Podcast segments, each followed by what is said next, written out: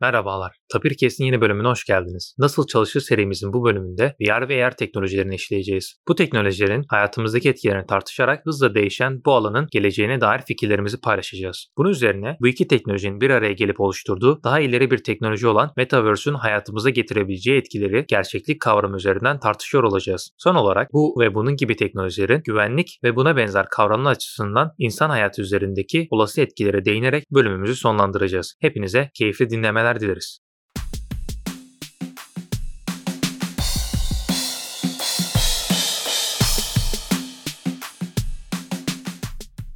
Hoş geldiniz Ege ve Bahadır abi. Hoş bulduk. Hoş bulduk Furkan. Bugün sizlerle bilgi ve eğlence sistemlerinin altındaki AR ve VR teknolojisini işleyeceğiz. VR teknolojisini işlemeden önce VR teknolojisinin üst başta olan immersive teknolojilere değinmemiz lazım. Nedir bu immersive teknolojiler? Immersive teknolojiler Türkçe'ye sarmalayan teknoloji olarak çevrilmiştir. Bu sarmalayan teknolojiyi sarmalayan yapan şey ise kullanıcıyı 360 derece çevrilemesiyle gerçekliğini genişleten veya yeni bir gerçeklik yaratan teknolojilerdir. Peki Bahadır abi bu immersive teknolojiler hakkında bize bilgilendirmek ister misiniz? Öncelikle immersive teknolojilere başlamadan önce benim kendi perspektifimden bir imgenin, fotoğrafın ya da bir gerçekliğin nasıl oluştuğuna değinmek isterim. Açıkçası VR dediğimizde ya da immersive teknolojiler dediğimizde senin de biraz önce bahsettiğin gibi bize yeni bir gerçeklik vaat etmesi ya da gerçekliğin içerisinde oynamalar yapması gibi farklı kavramlardan ve farklı kabiliyetlerinden bahsediyoruz. Bunu birazcık geri çekmek lazım aslında. Şöyle ki öncelikle bu gerçekliğin ne olduğunu ve nasıl oluştuğunu düşünmemiz gerekiyor. Öncelikle bir gerçeklik için ki bu algı için önce benim gözümle bir şey görmem gerekiyor VR teknolojisini düşündüğüm zaman ya da immersive teknolojileri düşündüğüm zaman. Öncelikle bir imgeden bahsediyor olmamız gerekiyor. Peki gerçeklik, bizim dünyada yaşadığımız gerçeklik bir imgeden mi ibaret? Eğer imgeden ibaret olsaydı sürekli olarak yalnızca bir tane fotoğraf gibi bir canlandırma görürdük karşımızda. Hayır. Daha çok videoya yakın ama video gibi de değil. Bunu biraz daha panoramik bir görüntü olarak adlandırabiliriz. Yani daha geniş. Hatta 360 senin de biraz önce söylediğin gibi. Nereye dönersem döneyim görsel bir bilgi var. Benim gözlerimle algılayabildiğim ve benim için bilgi ifade eden. Ama neden video gibi değil? Çünkü aslında tek anda bakıyorum. Şu anda baktığım yer eğer oradaki herhangi bir obje hareket etmiyorsa bir video değil. Yalnızca objenin kendi içerisindeki kendine yaptığı manipülasyon diye adlandıralım. Hareketlerine bağlı olarak video gibi isimlendirebiliyorum bunu. Aslında video dediğimiz şey de bizim için ne oluyor? Hareketli olan görseller. Yani evet video bundan ibaret değil ama en basit şekilde böyle açıklayabiliriz. Yani eğer bir piksel sabit duruyorsa yani statik haldeyse ona imge, fotoğraf, görsel diyebiliyoruz. Eğer hareket ediyorsa spatial domain dediğimiz fotoğraf boyutunda biz bunu artık video diyoruz. O yüzden sarmalayan teknolojiler dediğin zaman benim aklıma ilk olarak görselleştirmem gerekirse kafamın etrafını tamamen saran nereye dönersem döneyim mevcut dünyaya ait olmayan ama mevcut dünyanın bir temsili olarak bana aktarılan benim onu gerçek zannedebileceğim şekilde beni manipüle eden teknoloji geliyor aklıma. O yüzden aslında imgeyle başlamak istedim. Bu sayede de VR'ı düşününce benim aklıma fotoğrafların bambaşka işlemlerle video haline getirildiği ve kullanıcıya bir gerçekliğin içerisindeymiş gibi deneyim sunduğu ve bunu yaparken de aslında hem kullanıcının algısından hem de o fotoğrafların ve videoların kalitesinden yararlandığı bir sistem geliyor benim aklıma. Evet gerçekten ilginç bir bakış açısı vardır abi. Ama bu immersive teknolojileri biraz da VR bakış açısıyla bakmamız lazım. PKG podcast öncesinde de konuşmuştuk. Bu VR hakkında daha önce bir çalışman olmuş. Bu konudaki tecrübelerini bize aktarabilir misin? Tabii sanal gerçeklik denilince aslında buradaki gerçeklik insanın zihninin manipüle edilmesi, insan zihninin açığından yararlanarak var olmayan bir gerçekliği sanal ortamdaki herhangi bir video, simülasyon ya da görüntüyü insan zihnine gerçekmiş gibi aktarılmasıyla oluşan bir teknoloji. Duyu organlarının kandırılmasıyla insan zihninin manipüle edilmesi aslında birçok konuda da gelişen teknoloji, günümüz teknolojilerinin gelişmesiyle gerçekleşen bir konu. Günümüz teknolojisinde bu açıktan sıkça yararlanılmasının temel sebebi hem günlük hayatımızın kolaylaştırılması, eğitimin öğretimin ve eğlence alanının entegre edilmeye çalışılmasıyla alakalı. Tabi bunu yaparken gelişen teknolojinin de nasıl çalıştığını arka planda biz görmesek de bilmekte fayda var. İnsan zihnindeki bu manipülasyonu yaparken VR cihazları iç sensörlerinden ve dış ortamdaki takip eden istasyonların verilerini bir araya getirerek insana en iyi gerçeklik deneyimini sunmayı hedefleyen günümüz teknolojileridir. Şimdi VR'ın teknik olarak çalışma prensibini açıkladın ama ben en baştaki açıklamana geri dönmek istiyorum. Çünkü o kısmın biraz daha ilgi çekici olduğunu düşünüyorum. O da dedin ki gerçeklik insanın deneyimini ve eğitim, öğretim, eğlence gibi hususlarda arttırmak anlamında manipüle ediliyor. Yani düşününce açıkçası bendeki açık bana karşı mı kullanılıyor? Yani benim neyi güzel tırnak içerisinde eğer eğlence üzerine kullanılması amaçlanan bir VR teknolojisinden bahsediyorsak nasıl ki işte oyunlarda takılan en başta halk kullanımına ilk sunulduğunda roller coaster'ı hatırlıyorum. Dünyanın bir ucundaki o çok yükseğe çıkıp böyle hızlıca aşağı inen roller coaster'ı o VR teknolojisiyle deneyimleme şansımız vardı gibi e, ilginç reklamları olmuştu ki bence de bu konuda halkın oldukça dikkatini çekmişti. Bu zannediyorum eğlence kısmı. Ve alt tarafta gerçekten bir nörolojik çalışma da var aslında. Yani onu olduğu gibi şimdi gözlerine bir sahne yaklaştırıyorum ve bu sana gerçek hissettirecek. Zannetmiyorum ki bir insanda işe yarasın ki zaten yarasaydı teknoloji bundan ibaret olur diye düşünüyorum. Ama şimdi o sahnenin gözün kendi görme açısına göre dizayn edilip 360 derece imkanını da sunup şu anda orada olduğunu hissedersen oradaymış gibi davranacaksın ve hissedeceksin. Eğer korkuyorsan korkacaksın, heyecanlanıyorsan heyecanlanacaksın. Hatta gerekirse çığlık atacaksın'ı insana entegre eden o sistem gerçekten senin de söylediğin gibi o insanın açıklarından yararlanılan bunun ötesinde eğitim ve diğer konularda dikkate alındığında orada olmadan oradaymış gibi bir deneyim sağlamaya imkan sunan bir şey olduğunu düşünüyorum VR'ın.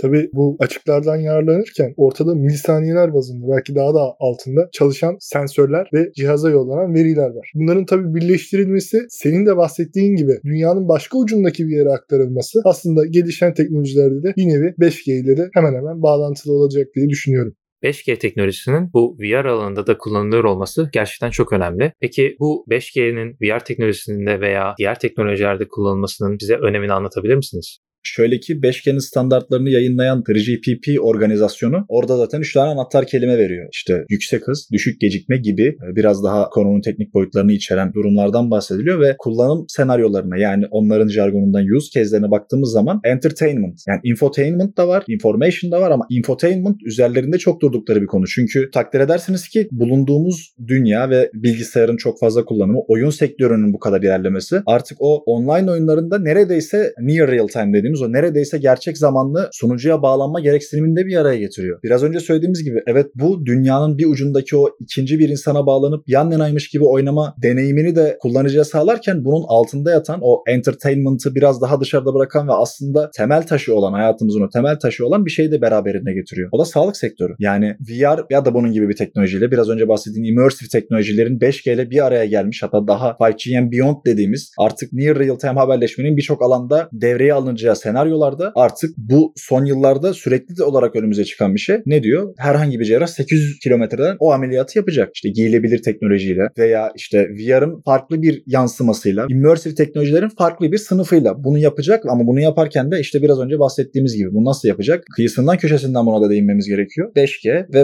5G'nin sağlamış olduğu kendi kullanım senaryolarıyla beraber anlatıldığı yüksek hızlarla yapacak. Günümüz teknolojisinde de zaten fare, klavye ve monitörde oyun oynarken hala halk terimiyle söylemek gerekirse ping sorunu olması ilerleyen zamanda 5G'nin çıkmasıyla üzerimize giyilebilir sanal gerçeklik cihazlarının da içeriye atılmasıyla daha büyük bir soruna yol açacaktır. 5G teknolojisi de zaten konunun üstesinden gelecektir VR konusunda diye düşünüyorum. 5G gerçekten VR teknolojisinin gelişiminde önemli bir faktör ama bu 5G teknoloji öncesinde VR teknolojisi zaten vardı. Çok önce çıkan bir teknolojiydi. Peki kronolojik sıra olarak bunun öncesinde VR'ın gelişimi hakkında bizi biraz bilgilendirebilir misiniz? Tabii VR teknolojisi bahsettiğimiz gibi eğlence ve eğitim alanında öncelikle kullanılarak günümüze kadar gelmiş, evlerimize kadar girmiş teknoloji. VR teknolojisi ilk başta söylediğimiz arda arda koyulan resimlerin video halini almasıyla hemen hemen paralel mantıkta. İlk başta da VR teknolojisi çıktığı zaman bir gözlük içerisinde 45 derece açıyla yerleştirilmiş, elde çizilmiş fotoğrafların bir gözlüğün önüne koyularak derinlik ve hacim algısını insan zihninde oynayarak, manipüle ederek insanlara gerçek bir manzaraymış gibi sunarak başlayan Ardından teknolojinin gelişmesi ve savaş atmosferinin dünyaya hakim olmasıyla savaş pilotlarının 2. Dünya Savaşı'nda eğitim amacıyla kullanmasıyla günümüze devam eden bir teknoloji. Sadece savaş konusunda ve teknolojinin gelişmesi konusunda da kalmamış. Halkın eğitimiyle de normal bir şekilde NASA'nın VR'ı bir projesine dahil etmesi ve pilotlarda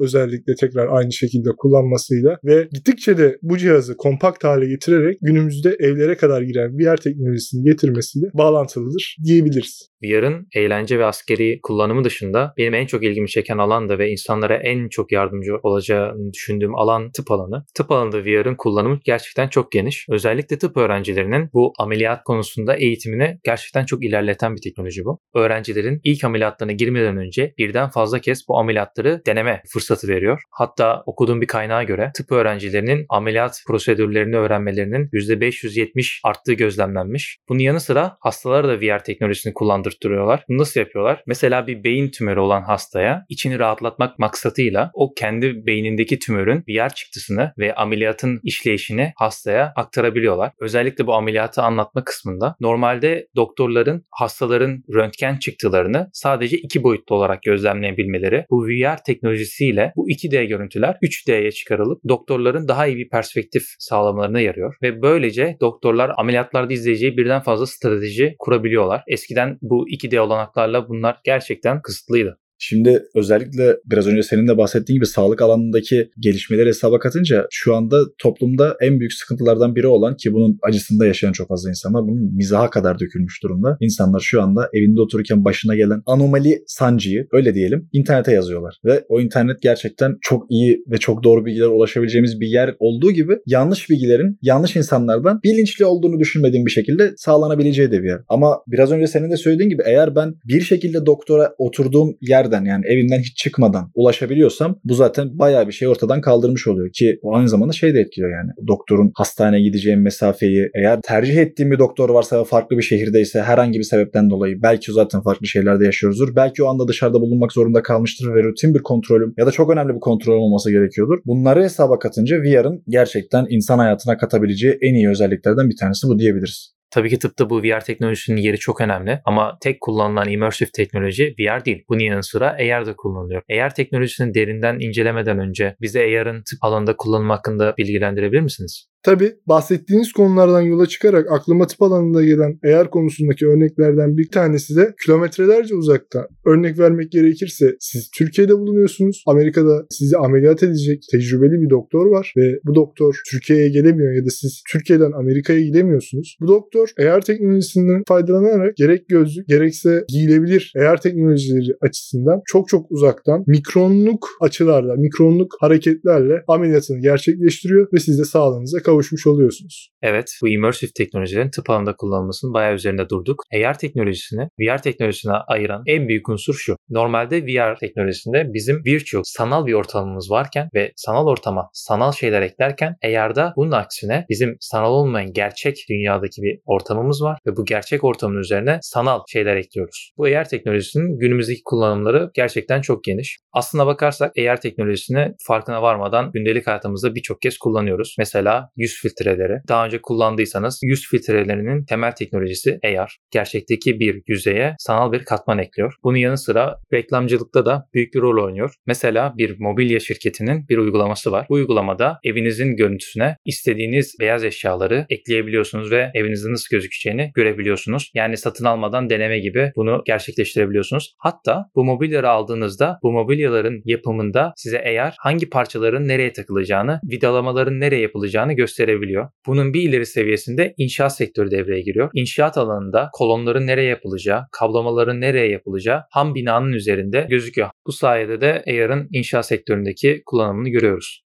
Belki hatırlayacaksınız. AR'ın halka en çok yaygınlaştığı örnek olarak şey geliyor aklıma. Bir oyun vardı. Pokemon Go. Hatırlıyor musunuz bilmiyorum. AR o zamanlar yeni çıkmıştı. Ben evet çok fazla oynayamadım. Telefonum o oyunu indirmek için sistem gereksinimlerine sahip değildi. Şu an tam olarak sebebini hatırlamıyorum ama orada yanlış hatırlamıyorsam işte GPS'in de kullanıldığı bir dizaynda eğer karşınıza çıkarsa işte o hayvana bir top atılıyor ve yakalamaya çalışılıyor falan. Yani evet çok eğlenceliydi. Belki arka tarafında ne olduğunu o zamanlar hiç düşünmedik. Belki yaşımız çok genç olduğu için hatta çocuk olduğumuz için ama yani buradan başlıyor yapıyor oluşunu sizinle beraber podcast'ten önce konuştuğumuzda da fark ediyor olmak çok şaşırtıcıydı. Ama ben konuyu bahsettiğin konuların biraz daha ötesine götürmek istiyorum. AR ve VR'ın yani gerçekliğin içinde bir sanallık katan bir teknolojinin ve sanallığın içinde bir gerçek katan o ikisinin harmanlanıp çok da ileriye taşındığı o artık advanced teknolojiye de Metaverse adını veriyoruz ki son bir iki yıldır da bunların üzerine çok farklı tartışmalar dönüyor. Ne kadar gerçek ne kadar sahte ya da bu gerçeklik içerisinde ben bir şekilde abuse edilecek miyim her anlamda gibi çok farklı konularda açılmıştı. Ben Ben buradan artık konuyu biraz daha evet her ne kadar podcast'imizin konusu sanal gerçeklik ve arttırılmış gerçeklik teknolojilerin bir arada nasıl kullanıldığını ya da ayrı ayrı nasıl kullanıldığını incelemek dahi olsa ben burada biraz gerçeklikten bahsetmek istiyorum açıkçası. Şimdi Metaverse'te olduğumuzu bir hayal edelim. Bir de gerçek bir dünya var. Hatta o meşhur örnek detaylarını da açıklamalarda bırakırız. Rüyamda bir kelebek olduğumu görmüştüm ve uyandım. Ben rüyasında kelebek olduğunu gören bir insan mıyım yoksa rüyasında insan olduğunu gören bir kelebek miyim gibi böyle çok komplike bir yere de götürebilir mi beni diye merak ediyorum. Sürekli olarak podcastlerde kıyısından köşesinden bu örneği vermeyi seviyorum. Dinleyicilerimiz kusura bakmasın. Bunun artık bir noktadan sonra aklımıza getireceği nokta o post apokaliptik film olan Matrix. Yani gerçekte miyim, sanalda mıyım? Gerçek benim için ne? Sanal ne kadar gerçek olabilir? Sanal gerçek olduktan sonra gerçeği diğer gerçekten ne ayıracak gibi çok ilginç, tartışmaya açık, felsefi sorular getiriyor benim aklıma bu tarz teknolojiler üzerinde konuştuğumuz zaman. Sen bu örneklerden bahsedince de aklıma Ready Player One filmi geldi. Dinleyicilerimizden belki izleyen ya da izlememiş olanlar olabilir. Spoiler vermeden bahsetmeye çalışayım. VR ve AR konularının hayal dünyamızda oluşturduğu ve getireceği bu harmanlanmış karmaşıklık aslında bizim bir şekilde de arzumuzu ortaya çıkarıyor. İstediğimiz insan olma arzusu. Çünkü biz gerçek dünyada her ne kadar fiziksel, ruhsal olarak istediğimiz insan olamasak da sanal dünyada istediğimiz fiziksel görünüşlere ve istediğimiz ruhsal duruma bürünerek o kimliği, o maskeyi takarak orada bambaşka bir şekilde, bambaşka insanlarla sosyalleşebiliyor ve kendimizi istediğimiz şekilde o insanlara tanıtabiliyoruz. Bu örneğin aslında aklı şunu da getirmesi gerekiyor. Ben şu anda istediğim insandan memnun değilsem ve o metaverse dediğim evrende istediğim insan olacaksam istediğim insan olduktan sonraki memnun olmama sürecim ne kadar uzun acaba? Yani A, B, C, D gibi kolektif özelliklere sahip bir insan olmak istiyorum. Herhangi bir eşyam olsun istiyorum olabilir. Tipimin değişmesini istiyor olabilirim. Farklı bir ülkede doğmak istiyor olabilirim. Peki bunların hepsi o metaverse'te bana verildiği zaman yeterli olacak mı? Ya da yeterli olmadığı zaman sürekli olarak metaverse gibi farklı teknolojiler içerisinde ya da metaverse içerisinde de mi değiştireceğim kendimi? Ki bence bu gerçekten insanın hayata kattığı anlamı oldukça azaltabilecek bir şey olduğunu düşünüyorum. Evet söylediklerinize katılıyorum ama aklıma çok önemli bir soru getiriyor. Bu söyledikleriniz ahlaki, etik ve güvenlik açısından nasıl bir sorun teşkil ediyor bizlere? Özellikle bu maddelerin art niyetli insanlar tarafından nasıl ihlal edileceği aklıma geliyor. Sizin söylediklerinizle birlikte bu saydığınız özellikler gerçekten kötüye kullanabilme potansiyeli olan şeyler ve bu beni çok korkutuyor. Yani düşününce evet bahsettiğin maddeler bu tip teknolojilerin devreye alınırken olmazsa olmaz olarak dikkat edilmesi gereken maddeler. Her ne kadar ahlak ve etik farklı toplumlarca farklı şekilde yorumlansa da güvenlik neredeyse hepimiz için aynı şey. Yani benim için de aynı şey. Bambaşka bir ülkenin bambaşka geleneklere sahip olan herhangi bir insan için de aynı şey neredeyse. Bunun kesinlikle dikkate alınması gerekiyor. Aksi takdirde daha önceki teknolojilerin güvenlik açığından dolayı oluşmuş problemlere nazaran çok daha büyük problemlerle karşı karşıya kalabiliriz. Özellikle VR cihazlarının genel özellikleri göz önüne alındığında kullandıkları kameraların ve dış ortamı izleme teknolojisinin protokoller ve diğer güvenlik önlemleri vasıtasıyla da teknik güvenlikle tekrar korumaya alınması lazım. Bundan birkaç ay önce bir ev temizleme robotunun vermiş olduğu güvenlik açığıyla binlerce insanın evdeki görüntüleri internete sızdırıldı. Aynı şekilde burada da benzeri bir açık verilirse veya kötü niyetli dış saldırılara açık bir sistem oluşturulursa daha çok facia sonuçlar ortaya çıkacaktır diye düşünüyorum. Bunlar gerçekten değinilmesi gereken hususlar. Ege katıldığın için teşekkür ederim. Ben teşekkür ederim. Bahadır abi sana da teşekkür ederim. Ben teşekkür ederim. Çok keyifliydi. Bugün Ege ve Bahadır abinin katılımıyla immersive teknolojilerden olan AR ve VR teknolojileri hakkında konuştuk. Ayrıca bu teknolojilerin daha ileriki durumlarda hayatımızı nasıl etkileyeceği, hayatımıza nasıl değişiklikler yapabileceğini tartıştık. Hepinize iyi haftalar dilerim.